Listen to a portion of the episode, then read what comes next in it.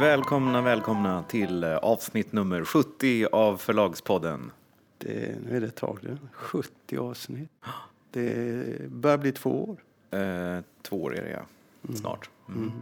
I maj tror jag. Då kör vi. Yes.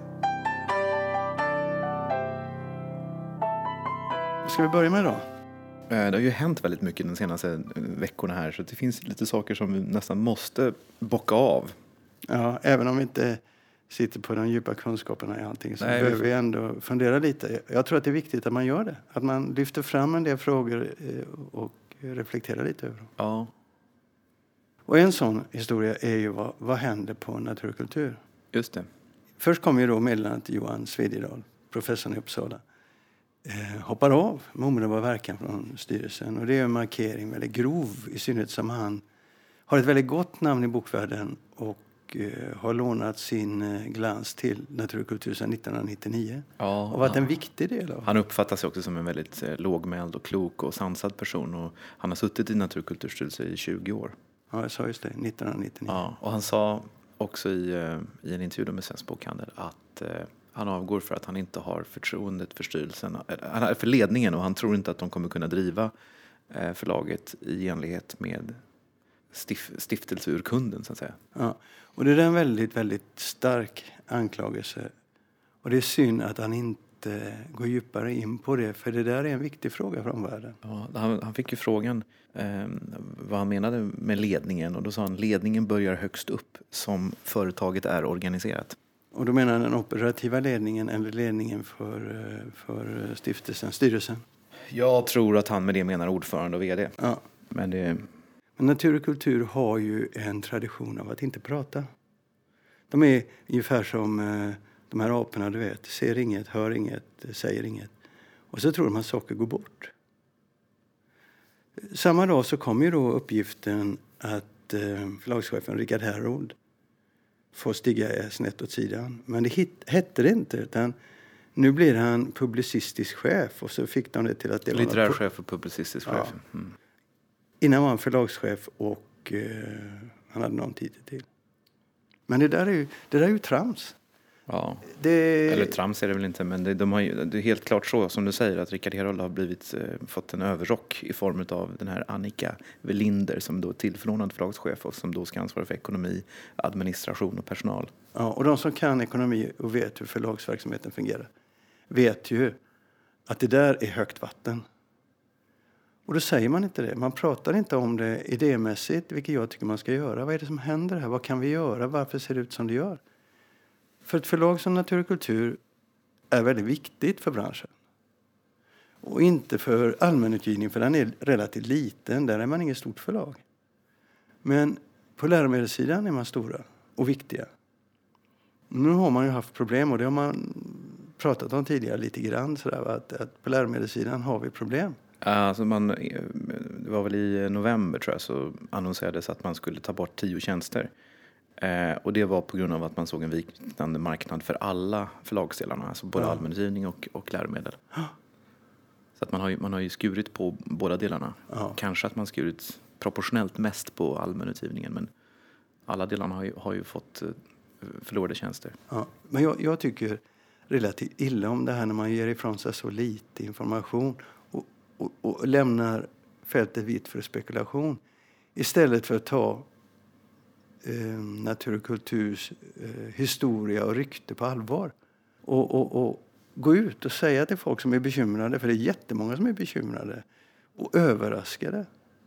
Fast eh, det, kanske inte, det kanske inte finns så mycket mer att säga. Det går dåligt och därför skär man ner. Det Det är väl en ganska enkel logik. Ja, men varför går det dåligt då? Det är, då, det är det som blir intressant då. Och där skulle Johan Svedjedal ha kunnat eh, hjälpa oss genom att berätta. Vi får söka honom och se om han vill vara med i podden och prata om det här.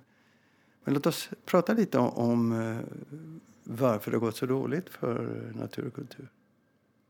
Då ser man ju att Rickard Herrod har ju varit väldigt, genom åren varit väldigt arrogant i relation till kommersiell litteratur.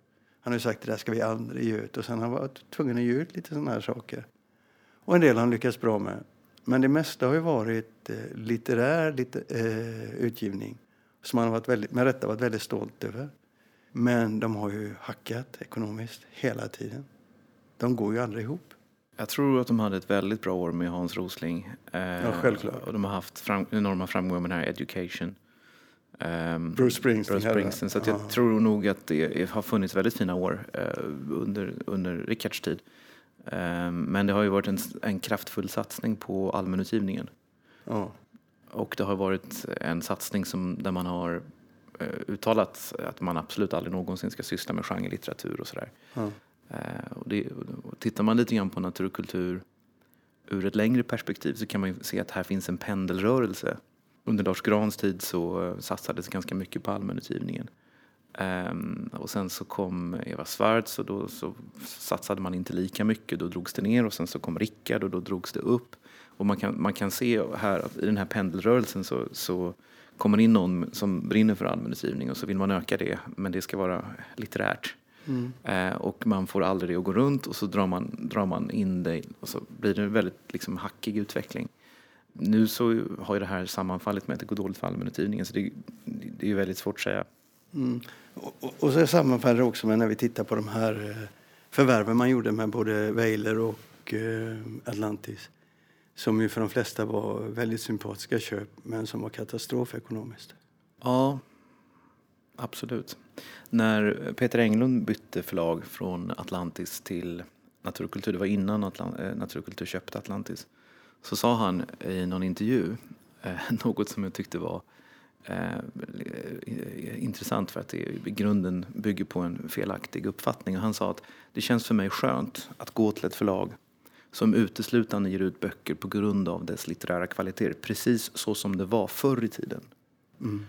Och det, och det är väl det här lite grann som är ett, eh, ett, ett liksom kärnan, tycker jag, lite grann i, i, i verksamheten. Att naturkultur har, när de satsat på sin allmänutgivning, uteslutande jobbat med kvalitet, men de har aldrig jobbat med bredd. Och Bonnier har, alltså det är, en, det, är en, det är en djup missuppfattning att tro att Bonnier och Norstedts under 1800-talets slut och 1900-talets början eh, uteslutande jobbade med kvalitet. Eller aldrig försökte tjäna pengar, aldrig försökte bara ge ut böcker för att de trodde att de skulle kunna tjäna pengar på det. Det, har ju, det är ju liksom allmänutgivningens eh, kärna, det här med gungor och karuseller. Mm. Och på naturkultur så har man ju hållit sig undan, eh, liksom, man har ju undvikit allt sånt. Ja. Jag tycker man har sett det här komma. Och när man nu flyttar på, på Rickard Herholds eh, fögderi så är det för att tala om för eh, förlaget att nu kan ni inte fortsätta utan nu måste ni se till att balansera detta.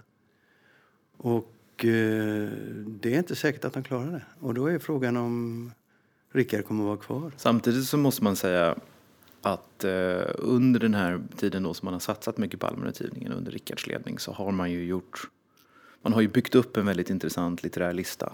Ja, fla, absolut. förlaget har ju abonnerat på eh, 30, 40, 50 procent utav kritikerplatserna på DNs kritikerlista. Eh, Allt recenseras, allt lyfts fram.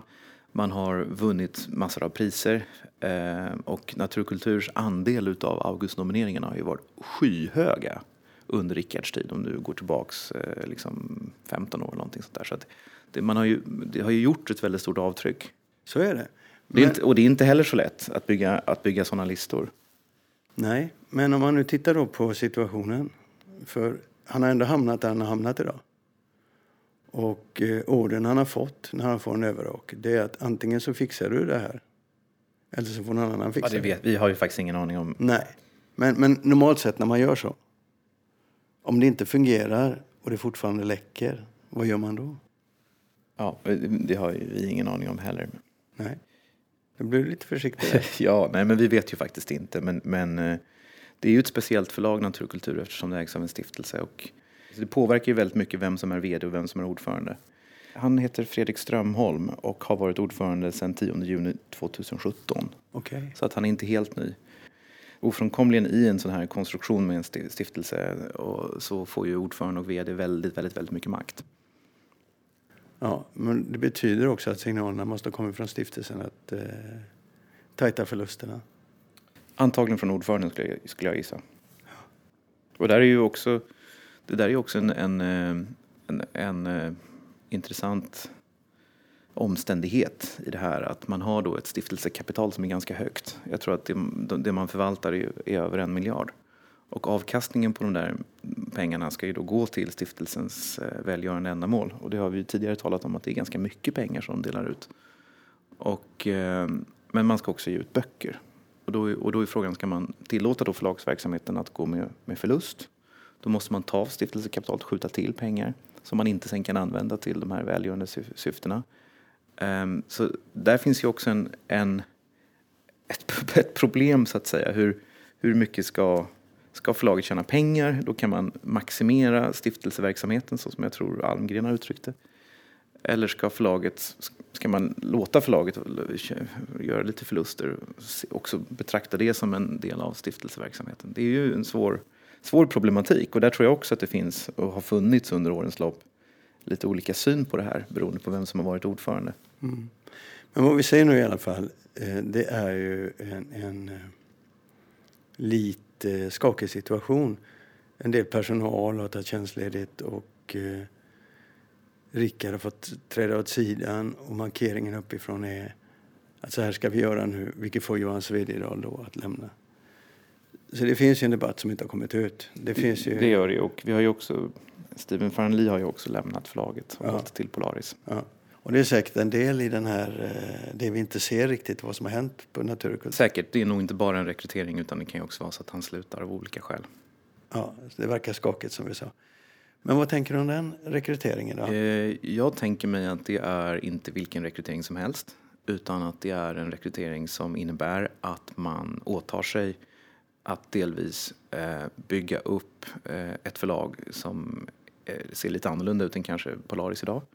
Att man, man, man växlar upp ambitionsnivån. Man säger att vi ska ge ut mycket mer litterära böcker. Vi ska bygga ett, en ganska omfattande litterär verksamhet man kommer säkert hoppas på att få med sig flera av eh, Steven Farnleys författare. Ja, Steven är ju i, i, den moder, i modern tid mästaren på att plocka med sig författare ja, från alla förlag. Klas Östergren och sådana. Eh, och han tog med sig från Norstedts till Bonnier, han tog med sig mm. från Bonnier till Naturkultur. Jo. Så han kommer säkert att göra det. Jo. Och det betyder ju att, att Polaris får ganska många nya svenska författare och att man får delvis en ny profil. Eh, också att man, man eh, gissar jag, eh, är beredd att investera mer i förlaget och att man eh, har en längre eh, för, liksom, horisont på sin investering. Så ser jag på det här. Mm. Alltså det händer rätt mycket på, på olika förlag och som har författare som rör sig. Och den här författaren har vi varit inne lite på förut. Vi förväntar oss nästan att den här flytten skulle ske. Och det är Kristina Olsson som har bytt förlag. Vi sa jag kommer inte ihåg om det var i somras eller om det var förra sommaren, så sa vi att när hon gick med sina barnböcker så sa vi att nu går hon med barnböckerna och det är bara en tidsfråga innan hon går med vuxenböckerna. I första avsnittet av den här podden, jag, tror att vi kan ha sagt under hösten också, men i första avsnittet det här året av den här podden så sa vi att hon har gått. Mm. Ingen brydde sig. Och sen så kom det då ett pressmeddelande från eh, Salomonsson Agency eh, som Svensk Bokhandel skrev av. Mm. Men nu är det så att hon har lämnat Piratförlaget och gått till Bonnier. Mm. Hon har eh, Niklas Salomonsson som en agent. Just precis, som de andra som har gått till Bonnier också har, vilket inte framgick i pressmeddelandet. Nej, han har avlövat det förlaget och de människorna som en gång byggde hans karriär, hjälpte till att bygga hans karriär. De har han eh, nu tackat färdigt tror jag. För Men... har, finns det inte så många fler att Nej. sabba förlaget med. Nej. Så han har tagit alla deras bästsäljare och flyttat mm. på. De som han har haft kontroll över. Så det är lite anmärkningsvärt. Att ingen det är anmärkningsvärt det. och det finns ju en historia som man önskade att journalister grävde i. Ja, det finns en jätteintressant historia. Och där kan man gräva både på Bonniersidan och på agentsidan. Ja. Och på författarsidan. Ja, man tycker att det är viktigt. Jag tycker att det är viktigt att man gör det. Nu går vi vidare. Det händer mer saker i branschen. Det har hänt, som vi sa i början, det har hänt eh, flera saker. Otto Sjöberg blir eh, styrelseordförande för eh, Storytels samtliga nordiska förlag. Just det, och framförallt så blir han styrelseordförande i Norstedts. Ja. Så han blir... Eh, han, han, går upp ett steg. Vad tänker du om det? Går upp ett steg? Ja, han var ju förlagschef förut. Han var vd förut. Ja, vd menar. Att sitta, att sitta i styrelsen är aldrig att gå upp ett steg. det, det är, att sitta i styrelsen är värdelöst. säger du ja. Ja. Det är inte, Men där, jag- det, är inte där det händer. att- Nej, Nej. men jag tror ändå att eh, han, han är uppflyttad till den positionen för att det ska hända saker. Jag tror Ja, han sitter absolut. Och jag tror han är uppflyttad för att han har gjort ett bra jobb. Otto Sjöberg har ju trots allt fått Norstedts på fötter och fått Norstedts att tjäna pengar. Och det har ju, har ju varit ett problem liksom tidigare. Så ju- Han har ju varit en duktig städgumma. Ja, det var ju ett stort problem. Mm. Så det är imponerande. Sen satt han redan tidigare i styrelsen för eh, People's Press eh, i Danmark och eh, blir nu också styrelseordförande för Gummerus i Finland. Mm. Hur tänker de, tror du? Eh, jag tror att man tänker, dels var ju Otto Sjöberg tillgänglig, han har ju inte fått något nytt jobb vad jag vet. Eh, och eh, han kan Norstedt så att, att, han, att han går upp och blir ordförande är inte konstigt. Och han har gjort ett bra jobb där. Eh, sen så tror jag ju att man tänker med de här nordiska förlagen att självklart så ska People's Press och Gummerus eh, förse Storytel i Danmark och Finland med ett digitalt innehåll. Alltså det har ju visat sig vara helt nödvändigt. Eh, Den affären är helt logisk och eh, absolut nödvändig. Eh, Så att hans uppgift där måste ju vara att, att få de här förlagen att bli bättre på att producera ett digitalt innehåll, ett innehåll som funkar digitalt. Sen så får vi se, det finns en, en sak som, som jag inte tror vi har sagt här i podden. Och det vi pratade tidigare om Jonas Moström-affären. Mm. Och det finns två saker där vi inte har sagt. Det ena är sättet så som vi beskrev den på. Och eh, jag har inte lyssnat på exakt vad vi sa, men det var ju lite kritiska ord mot, eh, mot Norstedts. Jag tror inte minst du var ganska kritisk. Eh, och det gick inte riktigt till så på det sättet, utan det var faktiskt Bonnier som kontaktade eh, Moström och hans agent först. Och då kollade man läget lite grann och eh, Norstedts eh, var intresserade. Mm. Men ingen sa något till dig? Nej, ingen sa något till mig. Men det är inte det som var poängen. Alltså Norstedts eh, har visserligen uttalat en strategi om att de ska stjäla andra förlagsförfattare. Men i det här fallet, så som jag har förstått det, så kom agenten till Norstedts. Och om en agent kommer till ett förlag så kan man ju inte säga att de eh, är dumma som inte plockar upp det. Eh, men i, eh, i det här så låg också då från Norstedts sida ett bud till Jonas Moström och hans agent. Och det var att om vi får ut boken i Sverige så ger vi också ut den på People's Press i Danmark och på Gummerus i Finland. Eh, och det där är ju intressant. Eh, och en strategi som jag tror är helt fel. Mm. Vi har ju sett den förut. Vi har sett den förut. Och den har alltid misslyckats. Den har alltid misslyckats. Och eh, eh, vi, vi kan ju hoppas att det inte är det som Motor Sjöberg ska syssla med. Eh, men det, alltså de här förlagen, det som funkar i eh, Danmark, det är inte det som funkar i Sverige. Och det som funkar i Sverige funkar kanske inte i Finland. Eh, Moström exempelvis har ju faktiskt översatts till finska. Jag sålde honom för många år sedan till Bookbeat som i början av sin verksamhet i Finland hade så svårt att få digitalt material. Så de översatte, bekostade översättningen av Moström till finska för att ge ut det som ljud och det funkade ju inte. Ehm, så att, eh, varför det ska funka nu, det vet man ju inte. Men det där, det där är ju väldigt intressant. Eh, och eh, det här kan ju vara ett, jag tror inte att man har en jätte, jätte genomtänkt strategi utan man, man testar väl lite olika saker. Och det här kan ju ha varit en sån där sak som man testade. Men det kan ju inte vara jättekul för People's Press eh, i Köpenhamn och för Gummerus i, i Finland att få en massa titlar på sin lista som man kanske inte själv har valt. Nu vet vi ju inte hur, hur hands-on han kommer att vara men det där låter ju troligt att han ska få snurr på dem.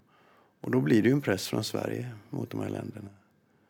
Och det kan påverka kulturen i företagen också. Men det blir intressant att följa för alla sådana affärer blir väldigt intressanta oavsett om vi gör rätt eller fel. Tycker jag. Ja, ja, verkligen, verkligen. Och det är ju liksom lokala förlag så att, så att eh, det ska ju mycket till. Alltså, de, eh, om de plockar in lite titlar så här eh, så gör ju inte det hela skillnaden naturligtvis. Men det är ju det är svårt det där med förlag för att det är så mycket lokal verksamhet. De måste ha sina egna listor. Det där lär visa sig. Vi släpper det för den här gången. Men vi kan väl ändå säga att vi, vi tycker att det var en bra rekrytering. Och vi tror att Otto. Sjöberg är rätt man på rätt plats. Det sa vi när vi började. Ja, Okej, men det kan sägas en gång till. Fjäsk. Och nu till något helt annat som jag säger. Ja, eh, det finns en Avicii-bok som kommer att komma ut på Bonnier. Som är den officiella Avicii-boken. Och eh, det här finns en, en tillkomsthistoria som jag tycker är intressant och som jag har känt till och du också har känt till ganska länge. Vi upplevde att det här är så känsligt så att vi inte ville prata om det utan att vi verkligen visste att det vi sa var sant. Nu har vi fått den här, den här historien bekräftad. eh, från en annan källa. Så att vi är ganska säkra på att det som jag nu säger är ungefär så som det har gått till. Och framförallt att det, de siffror vi nämner är korrekta. Ja. Det har då gått till ungefär så här att eh, författaren och Aviciis familj har varit i kontakt med Bonnier om att göra en Avicii-bok, så att säga en officiell Avicii-bok. Eh, man har diskuterat det här lite fram och tillbaks och under den här processen så får de kontakt med eh, Salomonsson Agency. Och då slutar de ha kontakt med Bonnier och sen så lyfts hela projektet över till Salmonson Agency som kräver väldigt mycket pengar för att Bonnier ska få den bok som de redan tidigare har diskuterat med upphovsmännen och med eh, Aviciis familj. Och de pengarna är 15 miljoner. Det är vad det kostar. Eh, det finns också ett annat förlag som är med här i bilden som, som får veta samma sak. Att vill ni ha Avicii-boken så är det 15 miljoner. Det slutar med att andra förlaget drar sig ur. Bonnier betalar lydigt 15 miljoner och på det här så får ju då eh, Salomonsson en provision på 3 miljoner. Sen säljer de den här boken till, jag vet inte hur många länder, men vi kan väl säkert utgå från att det är 30 länder. Eh, och kvar står då Bonnier med en bok som jag faktiskt inte kan förstå eh, hur de någonsin ska få att gå runt. Det här kommer vara den officiella boken då och så som jag har förstått det så finns det eh, saker i den officiella boken som inte kommer finnas med, som inte ger en, den hela bilden. Men, men eh, det kommer säkert också bli en debatt kring vilken, vilken bild som är riktig och rimlig och rätt och sådär. Men, men oavsett så tror jag att det är, om du betalar ett förskott på 15 miljoner så måste du sälja 100 Ja, du måste sälja mellan 180 och 200 000 inbundna böcker för att det ska bli pengar över. Och det idag är i stort sett omöjligt. Varför gjorde de affären då? Varför tror du? För det första så räknar man ju eh, intäkterna idag inte på den inbundna boken utan man räknar ju på helheten. Ja, men det här är, det kommer absolut att lyssnas på och streamas men du måste ju upp i... Ja, jag vet, jag vet. Eh, det verkar ändå omöjligt. Alltså risken i det här projektet är enorm. Ja. Det kan mycket väl bli så att Bonnier tjänar pengar men jag förstår inte riktigt varför man, man låter sig eh, behandlas på det här sättet. Eh, det är för mig obegripligt. Men å andra sidan, de har ju erfarenheter. Om det är något förlag som har erfarenheter av sådana här stora affärer så är det Bonniers. Och minns eh, Zlatan-boken som ju var en total överraskning för alla. Ja, Så att vi vet inte. Och han är stor. Eh, Absolut. Större än vad vi Absolut. tänker när vi sitter men de får här. inte heller... Här hamnar de alltså i en situation där de, de ska producera en bok eh, som sen säljs till massor av länder varav de inte får någonting, inga intäkter på. Utan de måste dra in det här förskottet i Sverige. Ja, nej, jag tror det blir svårt. Men, men, men jag tycker det är provocerande att en agent går in och gör en sån affär i ett sånt skede. Jag tycker det är absurt. Han, han får tre mille i handen för väldigt lite jobb. Yes. Ja, men det tillåts ju så länge marknaden tillåter det. Jag kan ju tycka vad jag vill om det. Ja, det tillåts så länge Bonnier tillåter det och de har väl en uppsida på det här någonstans. Ja, det är väl fler affärer de får tack vare det. Jag tar släppa lite vad som händer mellan förlagen på den svenska marknaden. I, eh, i DN för ett tag sedan så var det en artikel som har väckt väldigt mycket uppmärksamhet. Det var författaren Johan Heltnes eh, som skrev om sin besvikelse över samarbetet med Natur och kultur när han gav ut sin debutroman. Där han tyckte att förlaget eh, pressade honom och fick honom att skriva en bok som var alldeles för feg. Kommer du ihåg? Ja, han tyckte, för att vara mer konkret, att eh, alltså, han hade skrivit en, eh, det var en våldtäktsscen, en man som hade begått en våldtäkt. Och han hade liksom problematiserat det här. Var det en våldtäkt eller var det inte en våldtäkt? Och det man skriver nu, mannens perspektiv. Och där påstod han att förlaget ville att han skulle ta tydligare ställning. Mm. I just den situationen, det kan vi inte prata så mycket om för vi, där har vi inte kunskap. Det är bara han och förlaget som har. Och det får man bara respektera. Men det ledde till en diskussion som eh, alla utom förlaget deltagit i. Det där har jag också synpunkter på. Jag tycker att när de här sakerna händer då ska man som förlag gå ut och de, delta i den debatten. Man behöver inte lägga sig och säga att man gjorde fel eller man behöver inte, man behöver inte gå in i just den anklagelser. Men det här har ju lett till en stor debatt i det media. gjort. Det har lett till en stor debatt i media och det var när det här kom så, så eh, jag såg i mitt flöde på Facebook ganska många personer som delade den här artikeln. Jag fick ett mejl till förlaget, det var någon som frågade, en bekant som frågade, har du sett det här, hur skulle ni agerat i det här fallet? Och så, där. så det var ju något som upprörde väldigt många. Mm. Och det har fortsatt uppröra då. Ehm, det är flera kultursidor som har skrivit om det här. Och, och det är författare som gått in. Och det, den aspekten han, han tar upp, förutom kritiken mot natur och kultur, det är ju vad han menar är likriktningen på biskops Arne, där han pressades till att bli likriktad han också. Och ingen av oss går där, vi har ingen aning. Ehm, men det pågår hela tiden sådana här debatter. Kommer upp och, nu. och nu är den frågan rätt stor. Men författarna som kommer från biskops Arne är ju rätt upprörda, självklart. Eh, Men jag hade gärna sett en, en eh, mer större diskussion om detta där förlagen går in också. För förlagen har något att säga här. Ja. Och eh, natur och kultur borde ha gått in i den här debatten. Jag håller med att de borde ha gått in, men sen är det ju svårt också eftersom eh, ehm, det är svårt att hänga ut enskilda medarbetare. Det är svårt att, man, kan, man, kan föra, man kan föra principiella diskussioner och resonemang. Absolut. Men det, det här är ju en väldigt intressant fråga och vi lever ju i en, en väldigt polariserad tid där, eh, där man blir väldigt provocerad av det här. Och eh, det, det, det intressanta med det här är att det finns ju en estetisk dimension av viljan att vara, vara till lags och inte, inte liksom provocera som, som, är, som är intressant. Att det är liksom, du får sämre litteratur. Eh, Jo, men, men, det är inte säkert att det är vad detta egentligen handlar om. Vi har författarens syn på detta. Ja, och det var det jag skulle komma till. Att när man läser det här och läser det några gånger så, så tror jag att det här är en kritik som alla förlag skulle kunna ha fått.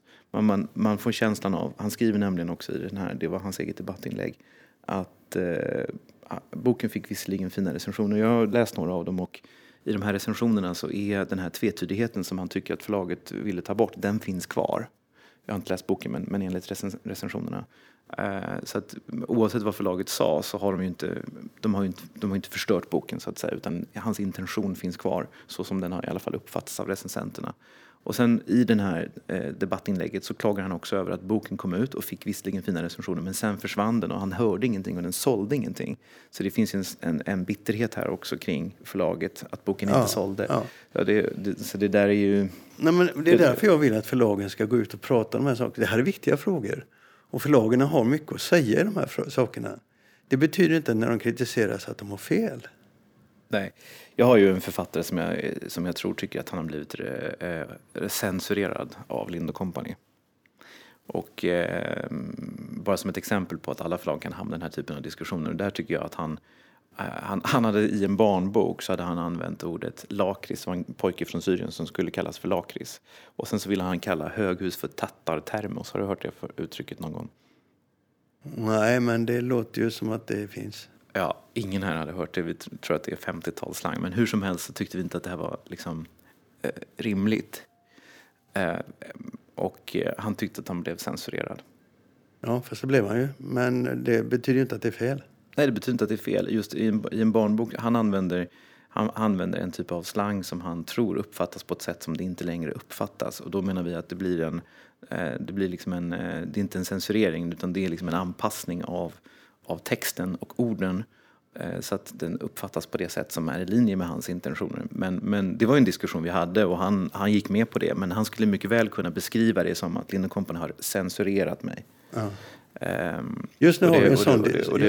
Så, det finns ju, det är väldigt, det är väldigt svårt att, man kan föra allmänna resonemang, men det är väldigt svårt när du går in på väldigt konkreta frågeställningar så tror jag att alla författare kan uppleva att de har blivit överkörda. Sådana här debatter är ju är väldigt svåra.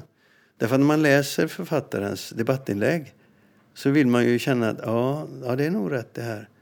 Men det finns ingenting när man tittar på den artikeln som vi utifrån kan säga ja men där har du rätt och där har du rätt. Då måste man göra mycket djupare analys och den kan framförallt förlaget göra.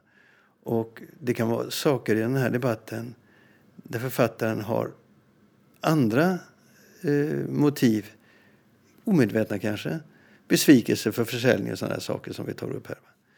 Så det där är en, en, en, eh, det är en svår sak att hantera. Och det har ju den efterföljande debatten visat att det här bara exploderar åt alla håll Ja. hela tiden. Men Utifrån det så finns det en ännu intressantare debatt i USA där boken American Dirt precis har kommit ut. American Dirt ska då vara en thriller där en kvinna med barn flyr från Mexiko till USA eh, jagad av maffian. Och eh, kvinnan och barnet har en mexikanskt ursprung men kvinnan som har skrivit den är då vit. Och det där har ju satt igång en otrolig diskussion. För den här boken blev en storlansering. Höga förskott som Flattery Books vann i konkurrens med många eh, andra förlag. Och man lanserade den på ett väldigt provokativt sätt som man nu har bett om ursäkt för. Men den stora debatten har blivit direkt. Det blev ju att hon som vit författare inte har rätt att prata för mexikanska eller för minoriteters eh, kulturer och så. Och eh, den blev väldigt stor först eftersom eh, vad heter hon? Eh, Oprah Winfrey hade Oprah Winfrey tog upp den. Den var, väldigt, den var väldigt hyllad redan innan den kom också. Jag tror Exakt. att de tryckte någon gigantisk upplaga och ja. förlaget hade marknadsfört den på, också på ett sätt som man tyckte var eh, osmakligt med, med taggtråd på omslaget. Exakt. Och de hade någon releasefest där det var ja, just det. taggtråd och sånt. Och sen hade man också samarbete med bokhandlare. Bokhandlare som också reagerade. Hon har inte rätt att skriva, vilket jag tycker är märkligt, men vi återkommer till det. Eh, och som skickade tillbaka böckerna. Så, så det blev en väldig backlash mitt i alltihopa. Förlaget ställde in eh, bokhandelsturnén. Eh, och eh, den stora dominerande frågan var, har hon rätt att skriva? För mig en helt korkad fråga. Det är skönlitteratur, du har rätt att skriva vad du vill. Men sen kom, efter det, så kom en helt annan diskussion. Vad är det här för bok? Håller den kvalitet? Är det en bra bok?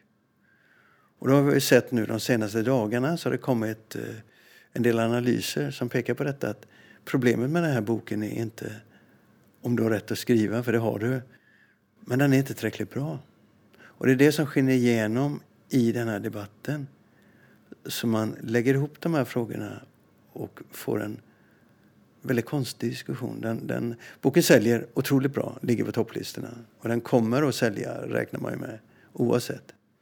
För de flesta kommer att tycka att det där är PC, det skiter vi Men det är bekymmersamt att vi har ett sånt tonläge i debatten som vi har här med eh, diskussionen vem får lov att skriva vad. Jo.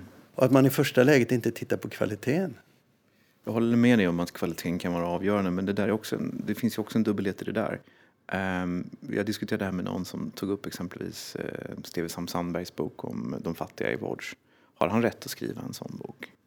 Eh, vad vet han om, om att vara där och bo i gettot och sådär? Men det är ju en, det är en makalöst bra bok.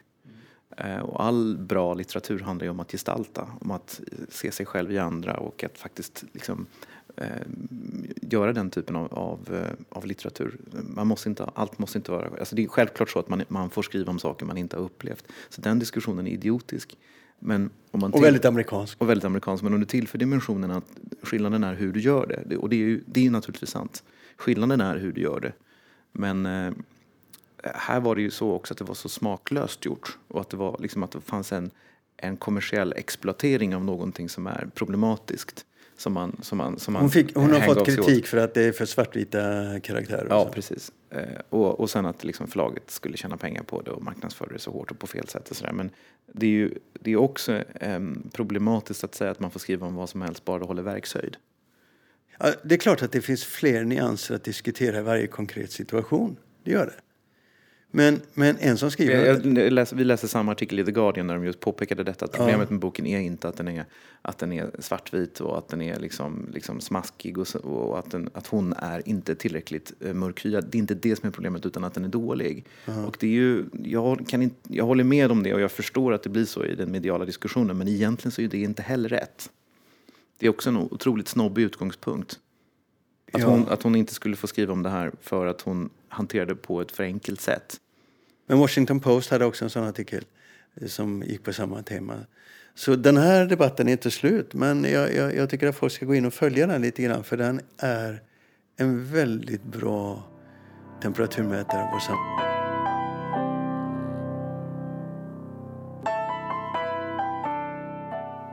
Och det var allt för avsnitt 70. Vi hörs om två veckor. Det gör vi. Hej då. Hej då.